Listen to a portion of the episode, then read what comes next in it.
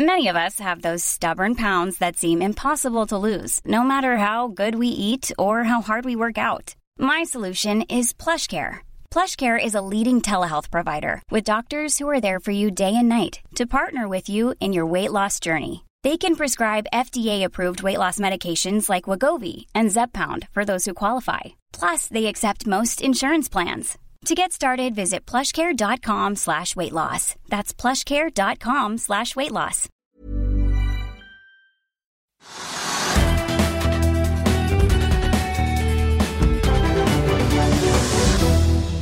Velkommen til Økonominyhetene på det som for mange er en skikkelig turbotirsdag i markedet. Det er 30. november, og vi skal i dag både snakke med konsernsjefen i SAS, som er ute med ferske kvartalstall, og Vi skal også høre fra EasyJets toppsjef som er ute med sine. Vi skal få teknisk analyse av Okeanis IK Tankers.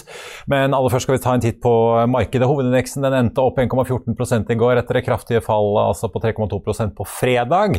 Men i dag er vi ned igjen. Hovedindeksen var ned nesten ja, rundt 1,8% på det verste tidligere i dag, men har hentet seg inn og er nå ned 0,8 Oljeprisen den suser ned 4,3% på tampen av november måned, og et fat nordsjøolje koster nå bare 70 dollar og 30 cent i spotmarkedet. Det er altså over 10 dollar under det vi har sett tidligere i høst. Det har vel ligget langt opp på 80-tallet, og vi må helt tilbake til slutten av august for å finne priser som ligner det vi ser nå. I eh, markedene rundt oss ellers i verden så endte det for det meste i rødt i Asia i dag. Det er også rødt på eh, de store indeksene i Europa, og basert på futuresene på Wall Street så ser det også ut som det blir et fall der borte når de børsene åpner hvert øyeblikk. Eh, la oss ta en titt på noen av sakene vi har eh, sett i dag. Fire meglerhus har nå tatt opp dekningen på eh, robotlagerselskapet Autostore, som var den store børsnoteringen her på Oslo Børs tidligere i høst. Samtlige av disse fire meglerhusene sier kjøp. Det gir utslag på aksjekursen, som stiger nesten 6% til drøye 44 kroner aksjen i dag. Carnegie-analytiker Eirik Rafta sier til FA tirsdag at de ser på Autostore som den ledende aktøren til å kapitalisere på hypervekstmuligheter. Ikke bare de neste 35 årene, men høyst sannsynlig det neste tiåret eller to. Ellers så tar vi med at slamhåndteringsselskap Kambi var ned over 12% til snaue 11 kroner aksjen i dag, etter at selskapet la frem sine resultater for tredje kvartal. Kambi tjente langt bedre enn i samme periode året før, men nedjusterer guidingen sin for helåret 2021. Alt er stort i USA, også aksjesalg. Microsoft-sjef Satya Nadella har nemlig solgt unna halvparten av aksjene sine i Microsoft, ifølge Wall Street Journal. Det er eh, snakk om 838 000 aksjer til en verdi av 285 millioner dollar. En talsperson for Microsoft sier til avisen at han solgte for eh, sitat, personlig finansiell planlegging og diversifisering, og at han fortsatt satser på selskapet og fortsatt sitter på langt flere aksjer enn det Microsoft-styret krever.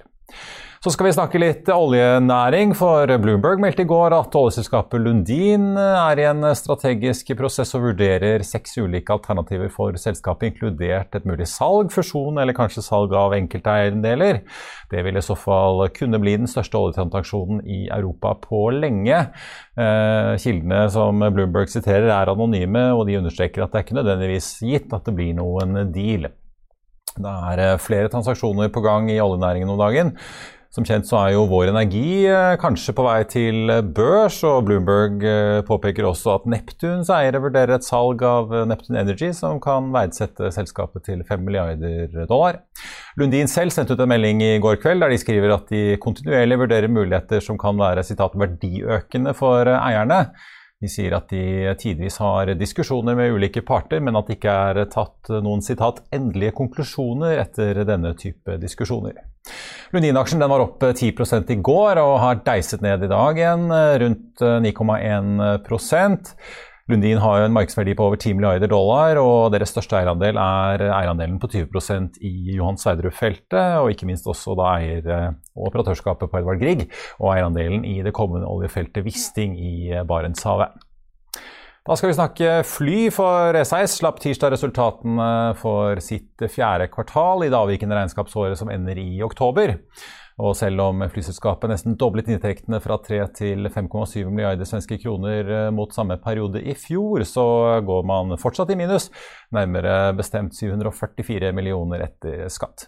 Vi har pratet med den relativt nye SAS-sjefen om markedet nå, planene for det interne datterselskapet SAS Connect, som skal ekspandere fra København til Oslo og Stockholm. Og vi spurte han ikke minst om selskapet vil trenge påfyll av frisk kapital etter koronapandemien. Anko van der Werff, uh, CEO of SAS, thank you so much for, for joining us. Uh, before we talk about your finances, let's talk about your uh, your uh, market. You're um, describing increased revenues and uptick in uh, in traveling. Uh, how does it look for leisure and business now? Yeah, exactly. Let, let's start. Let's start at the the fourth quarter results, right? I think a few good things to see there. Demand came back. We were able to put back capacity, of course, as well, all throughout well, late spring, early summer. Every month we grew. And you see that the underlying demand is really healthy when there's no restrictions in place, right? Now, what was still a question, I think, also when we question mark that we had when last time we spoke, you and I, was where does leisure and business indeed fit in? Um, we see that both of them are really coming back, right? So again, underlying trends um, throughout the fourth quarter, at least, were um, healthy on both fronts, corporate and leisure.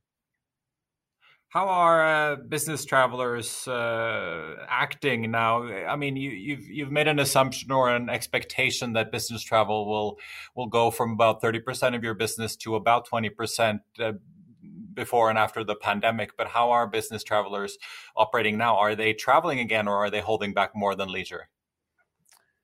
Uh, no, they're they're traveling, um, and that was again the good news coming out of uh, coming out of the quarter. Um, both are traveling. You definitely see leisure very much still concentrated also around the peak periods, right?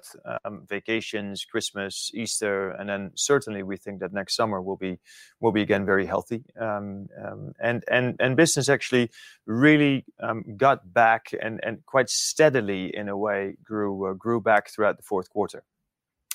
I have to ask now, uh, with increased spread of the virus and this new variant uh, referred to as uh, Omicron going around, uh, could you be forced to cut capacity? And, and what exactly do you know of how this uh, this new spread uh, in the virus will affect your business now in the winter? Yeah, really too early to tell. Uh, we have been, uh, we of course are also watching the news. We're, we're trying to get some information um, that all of the world is really looking for right now from, from scientists, of course. So, too early to tell. Um, we ran a significant campaign last week, uh, Black Friday campaigns, right over the weekend and, onto uh, onto yesterday, um, and and that distorts in a way also then the, the numbers, right? Because those numbers were actually um, strong. They were actually healthy, uh, right? But but that is of course on the back of a campaign. So difficult to isolate what really at this stage the Omicron impact is on us. Um, what is clear is uh, people don't like uncertainty, right? Not on the leisure side, not from a business perspective, of course. Also, um, we don't like uncertainty, and that may affect us. But for now, too early to tell. Uh I want to follow up something that we talked about when we spoke last in October, uh, because I asked you whether uh, you've concluded uh, in SAS whether the company needs more capital, and if so, how much. You said you hadn't concluded that, that you um, likely would be able to talk about it uh, at the end of the financial year, uh, and that's where we are now. Uh, I couldn't really see any new plan or any new um, financing discussions in your report. how far has this work gotten now? Yeah. So so when you look at Q4, um, again, a few good things. One, second consecutive quarter of um, operational cash flow, right? So positive operational cash flow. So that is that is good to see. And we've kept the cash balance, right? The cash balance from Q3 to Q4 unchanged. Now, we still have also the 3 billion buffer, right? The 3 billion RCF from the states in our in our back pocket, um, and therefore, um, right, we do go into that winter uh, at least with with that. We haven't drawn upon it, and we do not intend to draw upon it. Right, that's not in the plans at the moment your equity is still negative, and people are obviously wondering whether you will need to, restructure or refinance, given especially what some of your competitors have done, uh, reducing their debt burden quite significantly. Um, will there be a new restructuring uh, in SAS? When, when you look at that debt, um, the vast majority of that debt is really aircraft related, right? So, so um, yeah, I think that is somehow different. There is, of course, the hybrids, right? And then there is the loan facility with the Norwegian government, and then there is the commercial hybrids. Um, look, we're, looking, of course, at how we can um, how we can go about that. That is, of course, something that we are, um, yeah, very actively analyzing and, assessing. But you have to you have to again go back to the numbers, right? The vast majority of that debt that we're having is simply aircraft related. But just to be clear, is will there be one sort of overall plan, or will you sort of handle? The hybrid and the Norwegian loan and all these things uh, separately and in, in, due course when they fall due? Yeah, and, and that's it's maybe a good question because if if you're waiting for one specific date in which we will come out with a big bang, um, clearly we're not sitting on our hands here, right? I mean, there's already parts of the plan that have been implemented that are in full implementation mode. We are, of course, reviewing our fleet. We have designed a zero based network. We have already implemented some of that network because what you can see already is that that leisure is becoming more important. That's also where we're relatively now more important in that network.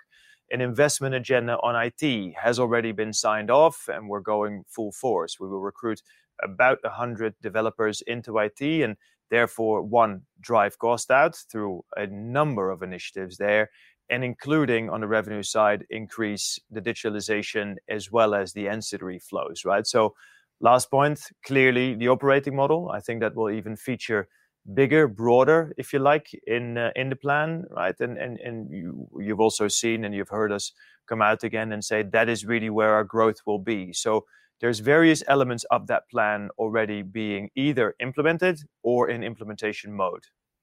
But you don't want to signal today that you are planning an equity raise or some sort of refinancing in in the in the new financial year that you're uh, entering now. Well, once again, if you look currently at the second consecutive quarter of um, positive cash flow, uh, right, and the fact that we kept our cash liquidity position untouched basically versus last quarter, plus the fact that we still have that three billion of um, government facility um, in the back pocket, um, I think that's where we stand really at the moment. Last question I wanted to talk to you about is uh, SAS Connect, uh, which is there's been a lot of discussions about, uh, which is uh, you know basically SAS Ireland that you've uh, home sourced, if I can if I can describe it that way. You're establishing that uh, now in the start of 2022 in, in Copenhagen, but you write that you're considering expanding it to Oslo and Stockholm as well. what will it take for you to make that move and, and have SAS Connect be a sort of pan Scandinavian operation? Yeah, so so so absolutely. I, I um yeah. How, how, did you call it? Home sourcing. I'm, I'm not sure. Home sourcing, insourcing, but I, I, like I like the home sourcing as well. In that, but what we're doing absolutely there is making sure that that is Scandinavian in terms of Scandinavian market-based conditions on Scandinavian labor laws with Scandinavian CBAs and with Scandinavian unions. Right. So I think that is exactly what it will take.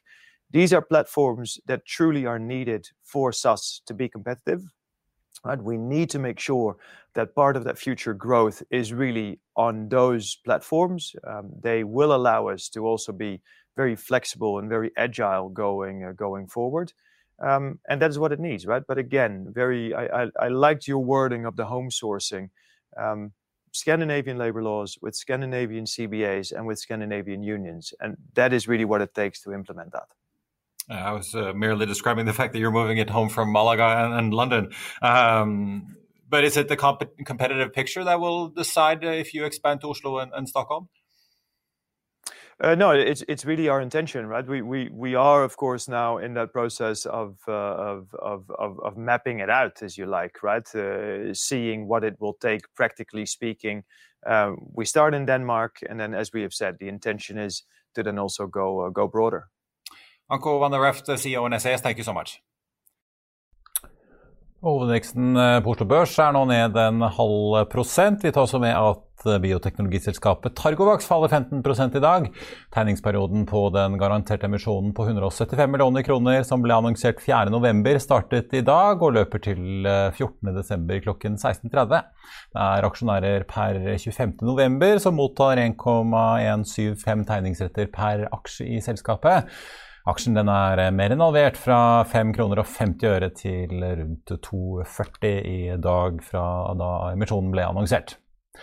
En annen som har sluppet tall i dag, og som også er i luftfarten, er Johan Lundgren, konsernsjef i EasyJet. I dette intervjuet med Bloomberg forteller han om hvordan flyselskapet har opplevd et nytt fall i bestillinger, men at det er mindre nå enn tidligere oppblomstringer av viruset. Han forteller at de er avventende til å se an effekten, men at de samtidig har forberedt seg på en humpete vinter i EasyJet.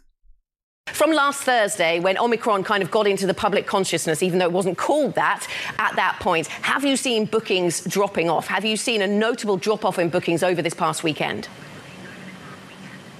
Well, as you said, I think it's uh, you know fair to say also that it's still very early on as well, and we need to wait and see how you know things settles down. And we've seen in previous times when there has been uh, news such as this, a restriction being put in place as well, that you're getting a, an immediate drop off, but it's not as significant this time as we have seen previously, and then it stabilizes, and we're just waiting now to see on what type of level it will stabilize. But also, the trend is very clear that the effect that it has is is definitely much more on the short-term departures and people that are moving their departures possibly into the beginning of the next year. And we're seeing also, mm. for instance, that the next summer, our Q3 and Q4 is, is almost uh, not affected at all. Okay, can you give us any sense of what you've seen over the weekend, though, in, a, in, any any numbers attached to that, Johan? When your revenue management team are looking at the bookings, are they seeing them? Uh, are they seeing drop-offs that you can put any percentage to? Well, we, we don't want to do that because it's still very much an up and down, and it fluctuates also very much between different regions and different countries as, as, well. But like I said, it's not to the same level of downside that we've seen in previous times when there has been restrictions being introduced. And I think that you know what will normally happen is that it will take some three, four, five days, and then it will settle down to to uh, to a certain level. And we're waiting now, of course, and monitoring to see what that will be like. But like I said, it's very much you know the effect we're seeing is very much on the very very short term term, where people in some cases are transferring out their bookings, uh, particularly throughout the period where government have said that they will review the situation further and moving that into the early part of the next year. So we're, we're seeing that it, the most affected is probably city-to-city destinations. We're seeing that beach destination, holidays uh, destinations is still holding up. Domestics are still ho holding up, as an example, uh, and that is very much like the previous trends that we have seen. Johan, good morning. It's obviously very early days, as you say, and it's too early to jump to conclusions. But in the worst case scenario where Omicron does lead to more travel restrictions, more lockdowns, how will you get through that in your cash pile? You've already sold and leased back most of your fleet, so how would you raise more cash to survive another extended lockdown? Well, we are, compared to others, in, in a relatively much stronger position. We have access to some 4.4 billion pounds of unrestricted liquidity. We have the least amount of debt of any major European airline, as far as I can tell. And this is because the action and the funding that we have taken up until now. We always thought that this winter was not going to be straightforward. Whilst there's an underlying recovery, we always knew that there was going to be uncertainty. So we think that this year, the financial year that we're in, is going to be a year of two halves, where there will be uncertainties uh, over the winter, which is now an, an evidence, and example mm. of that what we're seeing. But we also believe there's going to be a, a pick and strong, uh, a, a strong pickup into the summer. Og EasyJet-aksjen er ned 0,6% på London-børsen i dag. Langt bedre har det gått for SAS, som er ned 5,4% på Oslo Børs og ned hele 6,8% på Stockholm-børsen. Ser vi på de andre store flyaksjene her hjemme, i hvert fall, så er eh, Flyr ned 6,4 i dag. Norwegian ned 2,97% da skal vi ta med åpningen av eh, Wall Street. Dow Jones åpner ned 0,9 i dag.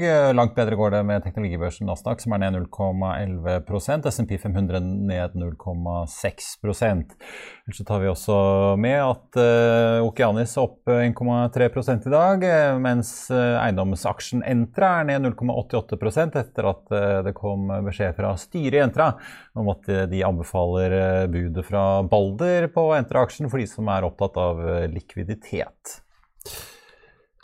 I Finansavisen i morgen kan du lese mer om det vi meldte om her i går, nemlig at Hydro, Equinor og Panasonic dropper samarbeidet sitt om en batterikollaps, eller det Trygve Hegnar i sin leder kaller batterikollapsen. Du kan også lese mer om klappjakten som pågår etter grønne styremedlemmer. Du kan lese om endringer i firmabilreglene, og du kan lese mer om tank, for meglerhuset ABG mener både Okeanis og Frontline kan bli kursvinnere den dagen tankratene stiger igjen. Det var det vi hadde for i dag, men vi er tilbake i morgen til ny tid, faktisk. Klokken 14.30 og ikke 15.30 som vanlig. Takk for at du så på, og så håper jeg vi ses igjen i morgen til ny sendetid.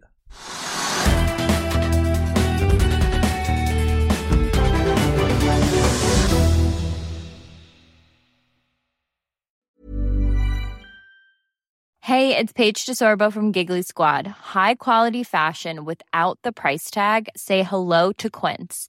I'm snagging high-end essentials like cozy cashmere sweaters, sleek leather jackets, fine jewelry, and so much more. With Quince being 50 to 80% less than similar brands. And they partner with factories that prioritize safe, ethical, and responsible manufacturing. I love that. Luxury quality within reach. Go to quince.com slash style to get free shipping and 365-day returns on your next order. quince.com slash style. Økonominyhetene er en podkast fra Finansavisen. Programledere er Marius Lorentzen, Stein Ove Haugen og Benedikte Storm Bamvik. Produsenter er Lars Brenden Skram og Bashar Johar. Og ansvarlig redaktør er Trygve Hegnar.